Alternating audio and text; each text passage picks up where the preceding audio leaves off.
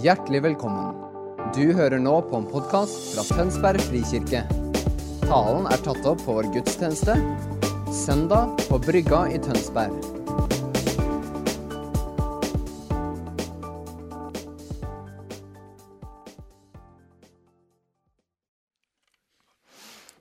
Ånd fra himmelen, kom med nåde. Kom med liv og lys her ned. La din guddomsmakt nu råde. Gjør oss vis til salighet.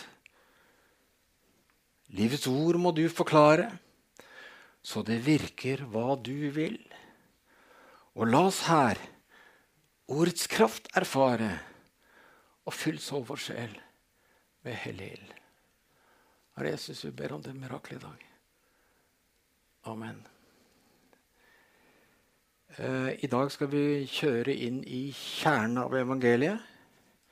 Hvis du etter denne talen sitter igjen og lurer på hva var det han egentlig sa, han pastoren, eh, så er det en podkast som legges ut.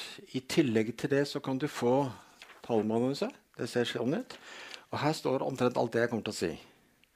Så hvis du heller vil ha en kjapp inngang i det, så kan du sende en e-post til meg eller til Frikirken og be om talemanuset. Og hvis det er slik at du ønsker å få talemanuset til de andre som taler, nesten eh, ikke alltid, gjør vi det, så er det en e-postliste som sendes ut til talemanuset hver søndag hvis det foreligger. Da må du be om å komme på den listen. Og det er for særskilt interesserte her i menigheten. Eller for som helst. Unnskyld. Ok. Paulus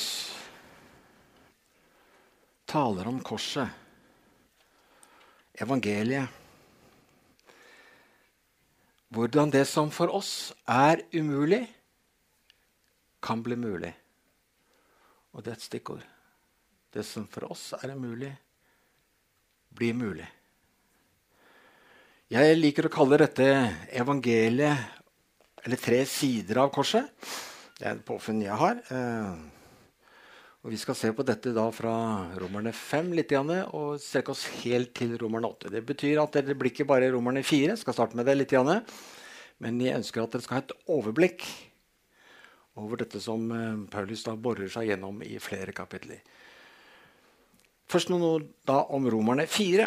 Etter å ha tatt opp om rettferdiggjørelsen i kapittel 3, som Morten da talte om sist gang, tar Paulus opp Abrahams eksempel. er på en måte overskritt over det, eksempel, det kapittelet.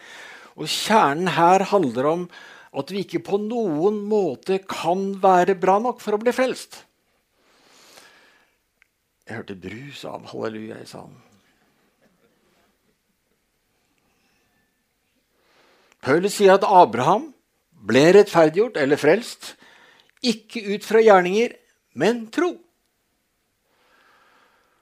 Og Pøll slår da fast et viktig poeng i f.eks. Eh, vers 5, hvor det står du får det på veggen, Men den som ikke har det, altså gjerninger, men som tror på ham, altså Gud, som rettferdiggjør eller frelser Og legg merke til at det står 'den ugudelige'. Det er altså han som ikke får det til. Gud frelser ikke de som får det til. Han frelser de ugudelige.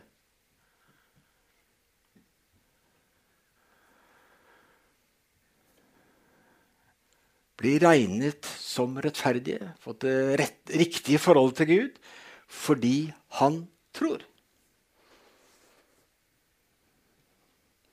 Igjen så er jeg imponert over det brus og halleluja som kommer sånn. Og dette bryter med religiøs tenking, som tenker eller menneskelig måte å tenke på, som tenker at vi må være bra nok. Og alle religioner i hele verden prøver jo at vi må gjøre ting for å bli bra nok. Gud tilber ikke frelse eller hellig liv på de premissene. La det være helt klart. Tilbudet fra Gud handler ikke om det. Han insisterer på at det må være ut fra tro.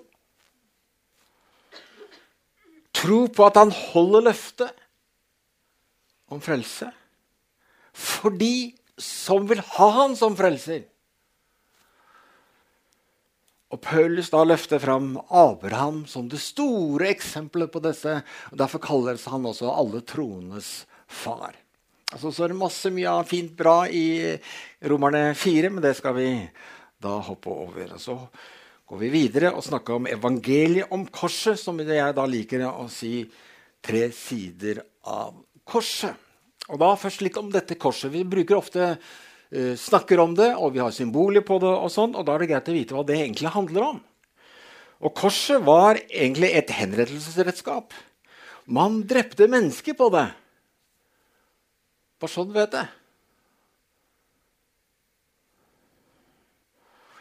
Paulus viser oss at det skjer langt mer med Jesus enn at han dør fysisk på korset. Det, faktisk, det, det handler egentlig ikke om det. Det skjer noe åndelig når Jesus dør på korset. Og Det som er da viktig å få med seg, er at det er Gud som har regien. Det som handler om korset, der har Gud regien, ikke du. Han bruker korset til å gjøre noe åndelig angående Jesus. Og så oss mennesker. Og det er det veldig viktig at vi forstår. Neste ting er at ordet 'død', altså korset, da dreper mennesker. Og skal du korsfestes, så dør du, eller du drepes. Ordet 'død' i Bibelen kan vi kanskje heller si handler om atskillelse. Og da bør kanskje landskapet åpne seg litt annerledes for mange av dere. Da Adam og Eva fikk beskjed fra Gud i Edens hage om en fysisk død hvis de spiste av den frukten At de ikke var lydige mot Gud, da sa Gud da vil dere visselig dø. Og putter du inn atskillelse istedenfor død, så skjønner du hva Gud snakket om. De ble atskilt fra Gud og atskilt fra det Gud hadde skapt dem til å være. Ikke det at de døde fysisk, som de da også gjorde. Når Pøll så bruker ordet 'død', kan vi forstå bedre hva han mener ved å sette inn ordet atskillelse. som jeg sa. Korset er da et redskap for Gud til å atskille ting. Så når du leser Bibelen om korset, så handler det om at Gud bruker korset til å skille ting fra hverandre. Og det er Gud som skiller ting fra hverandre. Han har Jesus død på korset, og da handler det om den ultimate konsekvens av synd. Det som skiller mennesker fra Gud. Jesus ble altså da atskilt fra Gud på korset av Gud. Og da istedenfor oss. Dette vitner Jesus om da han på korset utbryter 'Min Gud, min Gud, hvorfor har du forlatt meg?' Eller 'Hvorfor har du skilt meg fra deg?' Og det var Gud som gjorde det, ikke romerne. Så Gud døder Det er ikke godt norsk, men det er på en måte å få frem betydningen her skal du egentlig se dreper, men Hvis Gud døder eller atskiller Jesus på korset før Jesus dør fysisk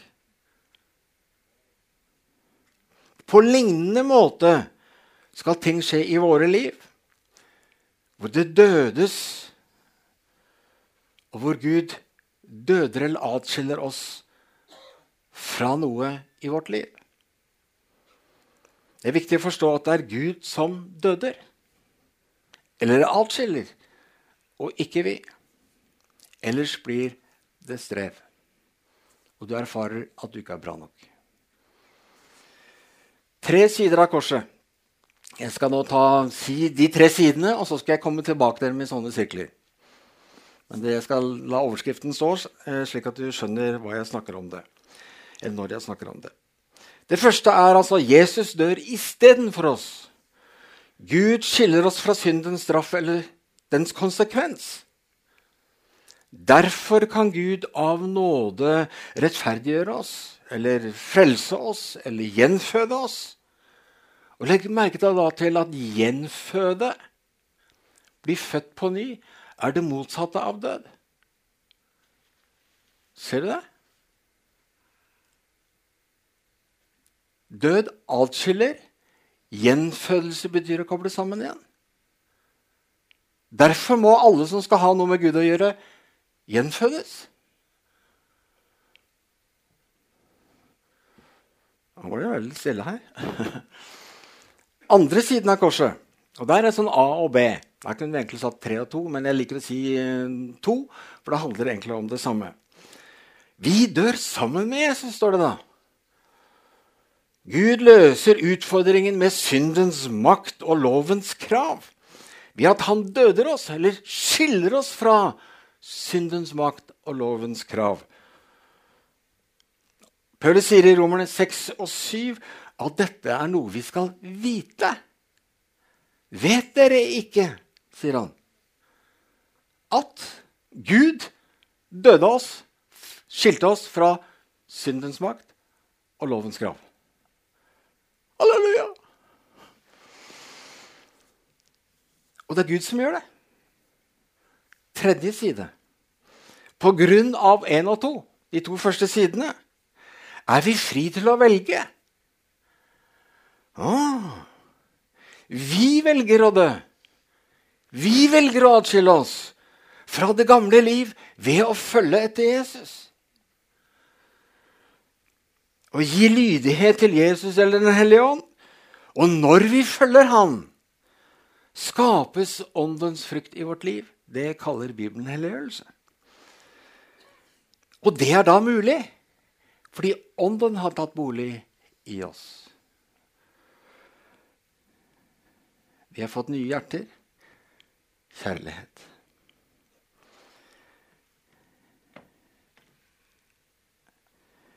Evangeliet utfordrer menneskets naturlige tenkemåte. Som eksempel Den grunnleggende forståelse i evangeliet er at Gud responderer ikke på det vi gjør. Bra nok. Vi responderer på det han gjør. Og Jeg håper du skjønner forskjellen. Den responsen på det Gud gjør, kaller vi tro. Eller troens lydighet, som jeg skal komme tilbake til. Og det resulterer i en gudsvirksomhet i oss. Og Da leste jo Morten eh, forrige gang i Message-oversettelsen fra Romerne 3,27, som på en måte gir det et tydeligere språk. Eller det som vi skal komme tilbake til og lese leseteksten Romerne 8,3. Det vi ikke får til, det gjorde Gud. Tilbake til korsets første side. Gud skiller oss fra syndens straff. Jesus blir atskilt fra Gud Fader på korset istedenfor oss. Han soner vår synd slik at vi skal slippe å sone den. Soningen består i at han atskilles fra Gud, av Gud, slik at vi skal slippe å være atskilt fra Gud i all evighet. Det handler om atskillelse. Derved åpner han himmelen for oss, og vi blir rettferdiggjort. Eller vi kan si vi får et rett forhold til Gud. Vår synd skiller oss ikke lenger fra Gud. Og dette skjer helt uavhengig av våre gjerninger. Vi kan bare ta imot tilbudet i tro. At han mener alvor. Det kan være litt skummelt. Bare tro. Korsets andre side da en del A og en del B, som jeg sa. Da handler det om romerne 6-7. Gud skiller oss fra syndens makt og lovens krav. Her sier Paulus at vi dør på korset sammen med Jesus. Her skjer det altså noe annet enn ved den første siden av korset. Her skal Gud gi oss frihet fra syndens makt over oss. Og den andre delen frihet over lovens krav over oss. Begge er det nødvendig at Gud gjør noe med. Vi trenger å bli satt i frihet. Og Guds løsning er da, om det høres endelig så brutalt, er at du må dø. Hva mener vi med at du må dø? Du må bli atskilt fra det.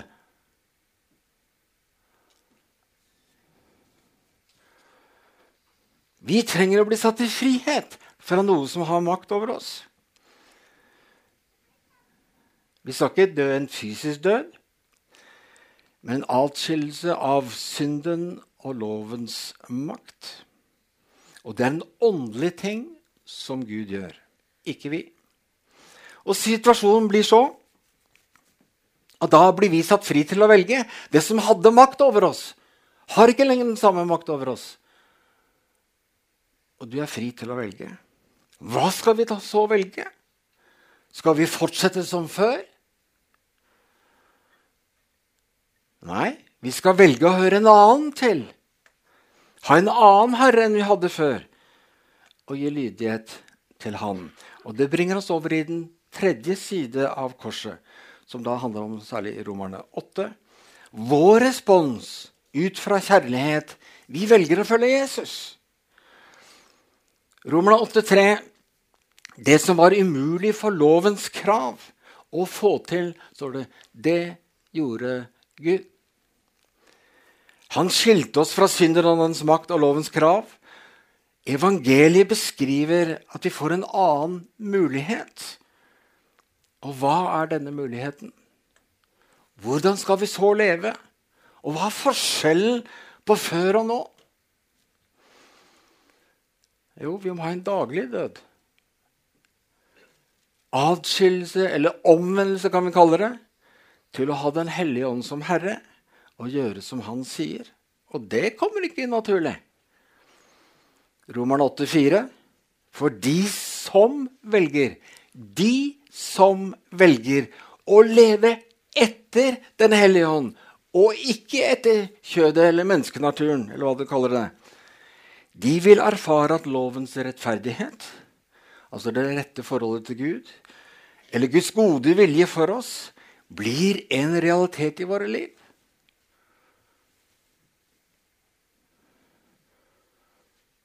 Og hvem er det som skaper den realiteten i ditt liv? De gode nyhetene er at det ikke er du, men Jesus. Det er evangeliet. Ikke ved vår kraft og dyktighet, men ved Den hellige ånds virksomhet.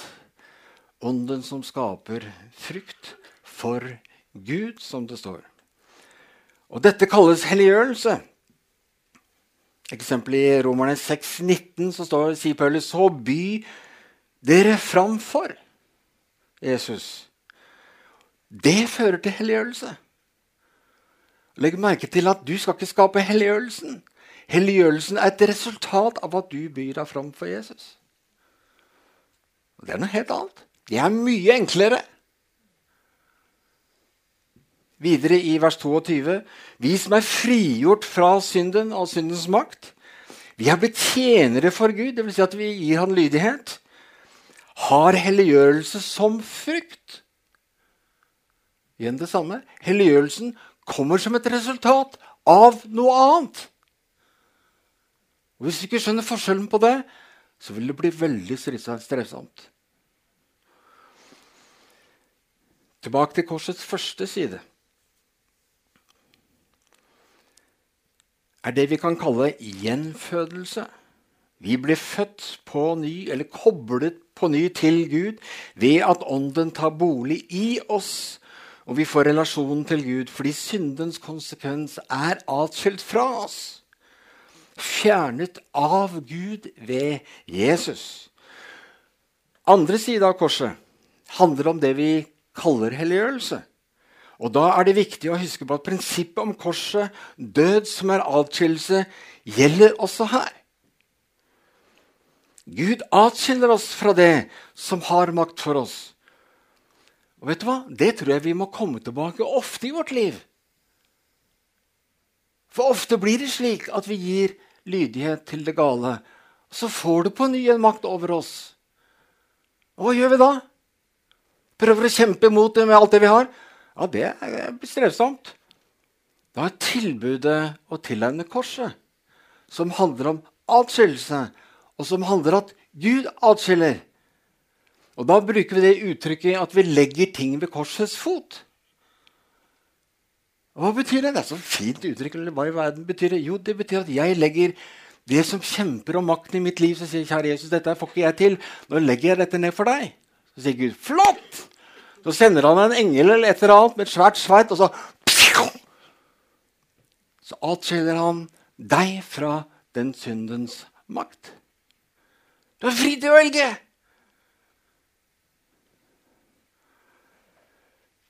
Og så kan vi kanskje si at hele helvetes hær vil prøve å innbille deg at det ikke er sant. Og tror du dem, så er du igjen fanget. Korsets fot. Bekjenne ved korsets fot. Stole på at han kutter deg fri, adskiller deg fra det. Korsets tredje side. Men så kan det glippe da for oss hvis vi ikke forstår hele evangeliet. Når vi er satt fri, og vi må velge hvem vi vil tilhøre, eller hvem vi vil gi lydighet til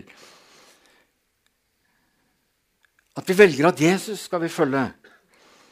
Fordi det forløser en Guds virksomhet i oss.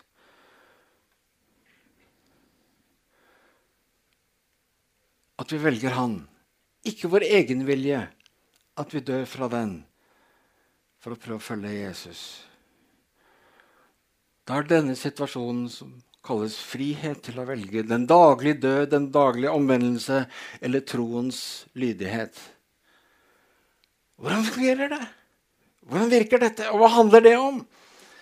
Og da kan vi si at dette å velge å følge Jesus det kan være skikkelig utfordrende. Og du kan ha diskusjoner blant kristne for eksempel, om det å ha Jesus som herre om det er en absolutt nødvendighet. Å ha Jesus som herre handler jo om å ønske å gjøre som han vil. Og Vi kan jo da lett få en, en følelse av krav og loviskhet som vi trodde at nåden skulle ta oss ut fra. slik at det skulle ikke være så farlig hvordan vi lever, for nåden dekker alt sammen. ikke sant? Det er ikke nødvendig å ha Jesus som herre, for nåden dekker alt sammen. Ja, og Det viser at det er en misforståelse, en uklarhet i forståelse om hva evangeliet egentlig handler om. Paulus bruker begrepet lydighet gjennom rombrevet. Og Det er viktig å forstå hva han legger i det begrepet. Han begynner og slutter rombrevet med et uttrykk som kalles troens lydighet. I Romerne 1,5 kommer på veggen, så står det ved ham har jeg fått nåde og aposteloppdrag for at jeg skal føre mennesker av alle folkeslag. Og gjett hva han skal føre alle folkeslag til? Jo, det begrepet troens lydighet. Og det er interessant. Til ære for Guds navn. Og Så slutter han altså da i Romerne 16, 26 med en fin sånn innledning der. Og så kommer det da, Men som nå er kommet for dagen Gjennom profetiske skrifter og den evige Guds befaling osv. er dette mysteriet om evangeliet blitt kunngjort for alle folkeslag, sier han. For hvorfor? Jo, for å lede dem til lydig tråd.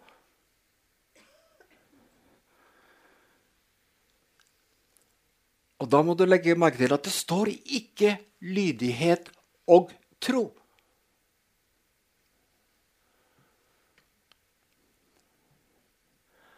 Det står en genitivsform, og det gjør hele forskjellen. I norsk bibel så står det da mer riktig troens lydighet. Skrive det om, så kan vi si det slik altså den lydighet som tilhører troen. Den lydighet som tilhører troen, er en annen lydighet uten troen. Og la den synke ned i hjertet ditt. Eller den troen som kommer som et resultat av troen. Hold deg unna den lydighet som ikke kommer av troen.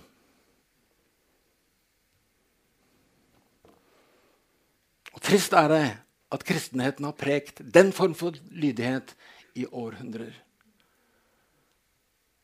Det fører til dom, det fører til begrensninger, fangenskap og masse frustrasjon. Når Paulus taler om lydighet, så taler han om troens lydighet. Den lydighet som er et resultat av at jeg tror.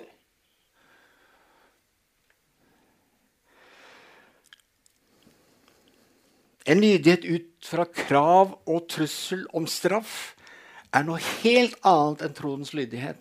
Og jeg håper du ser det. Romerne 6, 17 står det av hjertet ble vi lydige.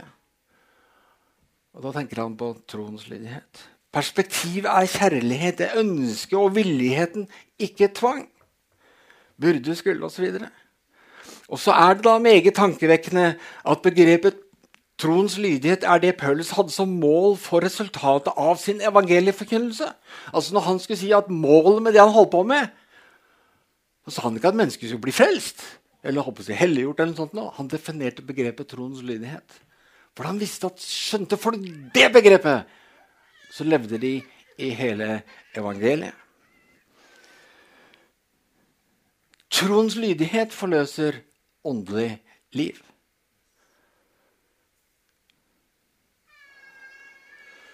Tilbake til korsets andre side, Romerne 6. Jeg skal smøre det inn i dag. I siste del av Romerne 5 setter Paulus opp konsekvensen av synden som er store, men sier så at om syndens konsekvens er store, så står det meget mer, meget mer, meget mer, står det i Romerne 5. Er Guds nåde. Om problemet er kjempestort, Guds løsning er mye større. Det er poenget i Romerne 5. Iallfall en del av det.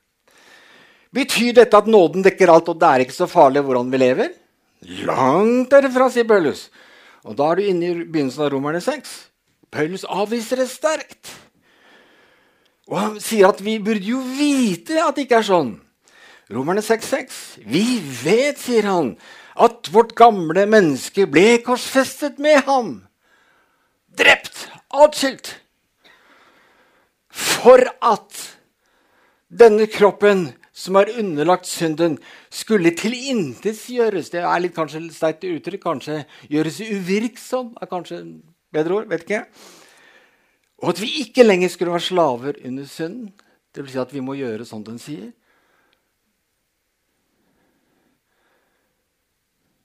Vi ble satt fri fra syndens makt for at vi ikke lenger skal være syndens slaver og leve i synd.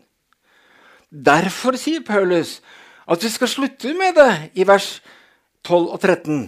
For vi har et annet alternativ. Det er ikke nødvendig lenger. Hvis du skjønner evangeliet og hva Gud har gjort. Og For å forklare dette enda tydeligere så kommer han med et meget viktig prinsipp angående lydighet. I Romerne 6, 16 man argumenterer da frem til vers 16. Og da sier han igjen, 'Vet dere ikke?' At når dere går i tjeneste hos noen og adlyder ham, da blir dere hans slaver. Dere blir enten slaver under synden, og det fører til død, ja, det vet vi jo, eller slaver under lydigheten, troens lydighet, kan vi sette den der, og det fører til rettferdighet eller helliggjørelse. Og hva sier han? Det du velger å gi lydighet til, får makt over deg. Det er rasende viktig å forstå. Du bestemmer altså selv hva som skal få makt over deg. Synden, djevelen. Bare hør på hva han sier, og gjør som han sier. Så får du frykten derav og han får kontroll på ditt liv. Gir du dermed lydigheten til Gud og Den hellige ånd, så får han større makt over ditt liv. Det betyr i klar tekst da blir det lettere og lettere og lettere å leve som han vil. Helliggjørelsens vei blir lettere og lettere og lettere. For du har gitt dem makt i ditt liv til å virke i ditt liv. Folkens, Det er noe Paulus sier det bør dere vite. Det er en del av evangeliet. Roman 7, korsets andre side, del 2. I Romerne 7 argumenterer da Paulus på samme måte i forhold til loven. Igjen spør han om vi ikke vet dette i vers 1. Og så kommer nøkkelverset i Romerne 7,4. Slik er det også med dere, mine søsken, sier han. Gjennom Kristi kropp er dere døde. Hva betyr det? atskilt for loven. Yeah! Det betyr at Jan Helge Frøen ikke sliter med loviskhet. Av den enkle grunn at Gud har skilt meg fra det. Det er ikke noe som jeg gjorde bra nok. Det er noe som Gud gjorde bra nok.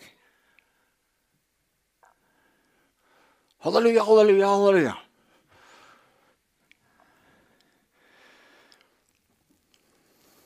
Slik er det også med dere, mine søsken. Gjennom Kristi kropp er dere døde atskilt for loven. Dere tilhører en annen. Han som er stått opp fra de døde for at vi skal bære frykt for Gud. Jeg håper Det går nesten ikke an å unngå å erfare frykt for Gud i ditt liv. Hvis du skjønner hva han sier. Vi er atskilt fra loven, for den kan ikke hjelpe oss til å leve etter Guds vilje.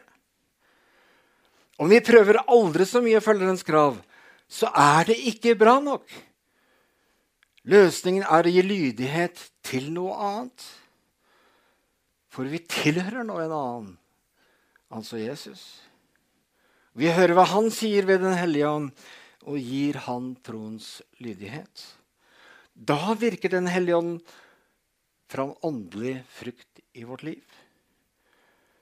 Og dette er noe som Paulus sier vi skal kunne vite. Korsets tredje side begynner å nærme meg slutten. Jeg er litt over tida fordi jeg er litt for mye inspirert. Korsets tredje side. Hvordan lever da vi på en ny måte? Og Da er det greit å ta med seg at Jesus beskrev det i Johannes 15. Vingårdsmannen og vintreet. Det er det vi snakker om her. Altså det vi kaller helliggjørelse. Dette livet er utfordrende. Det bryter med vår naturlige måte å tenke på. Og Da kan vi ta med oss at videre i Romerne 7 beskriver Paulus kampen. Ja, vi er satt fri fra syndens makt, sier han. Vi er satt fri fra lovens krav. Vi vet hva vi burde gjøre, men vi får det ikke til. Meg, arme, syndige menneske, hjelp! Det er slutten av Romeren 7.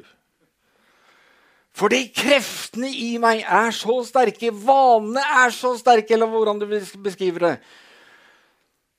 Hvem skal fri meg fra dette? Og så skyter han med alle kanoner holdt jeg på å si, i begynnelsen av Romerne 8. Der kommer svaret.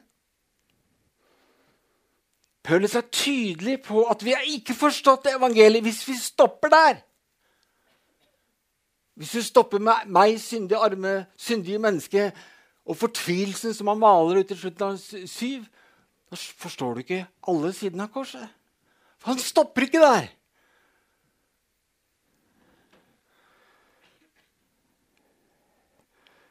Paulus sier For Guds tanke er nemlig at vi ikke skulle få det til på egen hånd. Så det fortvilte ropet med mennesker som ikke klarer dette på egen hånd, sier Gud, flott!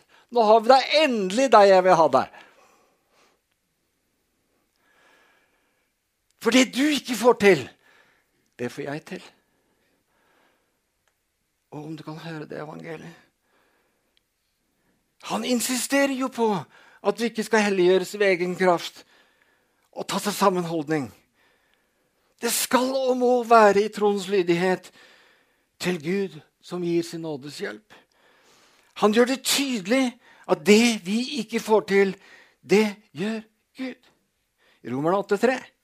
Det som var umulig for loven, siden den sto maktesløs fordi vi er av kjøtt og blod, det gjorde Gud. Han sendte sin sønn som syndoffer i samme slags kjød og, kjøtt og blod som syndige mennesker har, og holdt dom over synden i oss. Tok et oppgjør med syndens og syndens makt i oss. Og så videre da om Helligåndens gjerning i vers 4. Slik blir lovens krav oppfylt i oss. Slik! Hva slik? Jo, vi som ikke lever etter kjøttet, naturlig, menneske, naturlig menneskenatur, men slik Ånden vil.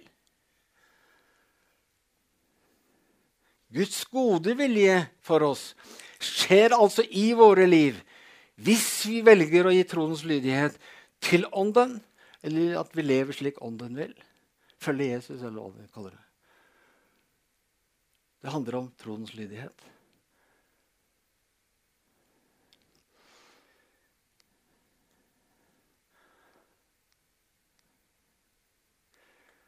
Paulus beskriver et evangelium hvor Gud gjør det som må gjøres i sin nåde. Det er altså helt ufortjent. For at vi skal erfare dets virkelighet, må vi ha tillit til eller tro på at det Gud sier, er sant. Og så ta imot. Så må vi velge å sette en villighet til handling. En lydighet ut fra denne troen og denne tilliten til Gud. Altså troens lydighet. Så må vi bevisstgjøre oss på hvem vi lytter til. Hva lytter du til? Lytter du til djevelens ord til deg? Lytter du til dine gamle ord? Ditt gamle liv? Eller lytter du til det Gud prøver å si til deg? Og Det kan være litt opprydning av forskjellen her. At vi gir da en lydighet til det som ikke er krav, men en kjærlighetsrespons. Ja, Jesus, jeg ønsker å gjøre det du ber meg om, fordi du frelste meg. Du satte meg fri. Jeg tilhører deg. Det er en positiv kjærlighetsmotivasjon. Det handler om en hjertes holdning og en hørsomhet som Den hellige ånd kan hjelpe deg med. Og du har vanligvis ikke den automatisk. De fleste av oss har det ikke. Så må vi venne oss da til han og si, 'Herre Jesus Helligånd, jeg ønsker å følge deg.' Må du lære meg det? Må du hjelpe meg til å høre og gjenkjenne deg? Amel taler på ordet. Og det er en vandring. Den hjelpen kan vi få hvis vi velger å gi han rom og tid til å bevege våre hjerter. Og Det er noe annet at han beveger våre hjerter, enn han beveger våre hoder. I Filippenserne 2,13.: For det er Gud som er virksom i dere. Så dere både vil og gjør det som er etter Guds gode behag. Det er evangeliet oppsummert. Kjære Herre Jesus. Takk at du gjorde dette mulig. At du åpnet himmelporten for oss. Ved at du skilte oss fra syndens konsekvens og straff i våre liv. Og takk og lov at du gjorde mer enn det. Du skilte oss også fra syndens makt over vårt liv og lovens krav. At jeg slipper å forholde meg til alt hva jeg burde og skulle. Og at det hele koker ned til den enkle ting er å se deg, Jesus, og høre hva du sier. Og jeg skal gjøre nå. Og så virker du helliggjørelsen, virkelighet, ut i mitt liv, som kalles åndens frukt. Herre Jesus, jeg ber at det skal åpenbares for oss, at du hjelper oss til å leve det. I Jesu navn.